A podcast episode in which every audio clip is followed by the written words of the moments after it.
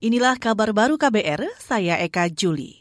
Presiden Joko Widodo hari ini dijadwalkan melakukan pertemuan bilateral dengan Presiden Republik Rakyat Tiongkok atau RRT Xi Jinping dan Perdana Menteri Li Keqiang. Jokowi tiba di Beijing Capital International Airport, Beijing, Senin pukul 9 waktu setempat. Presiden tiba setelah menempuh penerbangan sekitar 6 jam dengan pesawat Garuda Indonesia. Beberapa pejabat tampak menyambut kedatangan Jokowi di Beijing. Di antaranya Wakil Ketua Menteri Luar Negeri RRT Wu Yang Duta Besar Indonesia di Beijing Jauhari Oratmangun, dan Atase Pertahanan Republik Indonesia di Beijing Bayu Hendra Permana. Ini merupakan rangkaian kerja Jokowi ke tiga negara di Asia Timur. Selain Tiongkok, Jokowi juga akan mengunjungi Jepang dan Korea Selatan.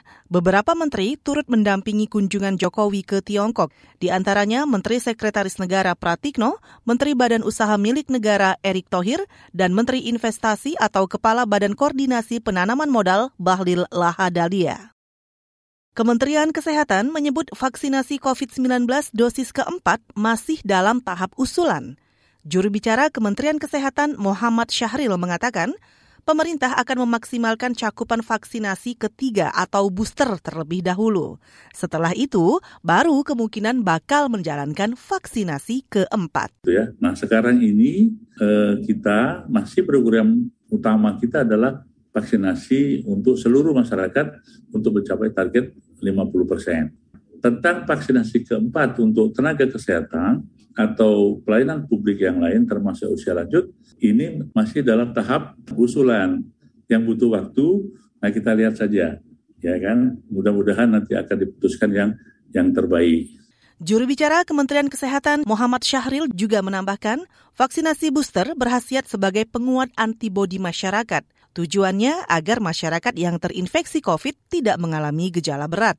Hingga kemarin, cakupan vaksinasi dosis pertama sudah menembus 97 persen, dosis kedua 80 persen, dan dosis ketiga baru 26 persen.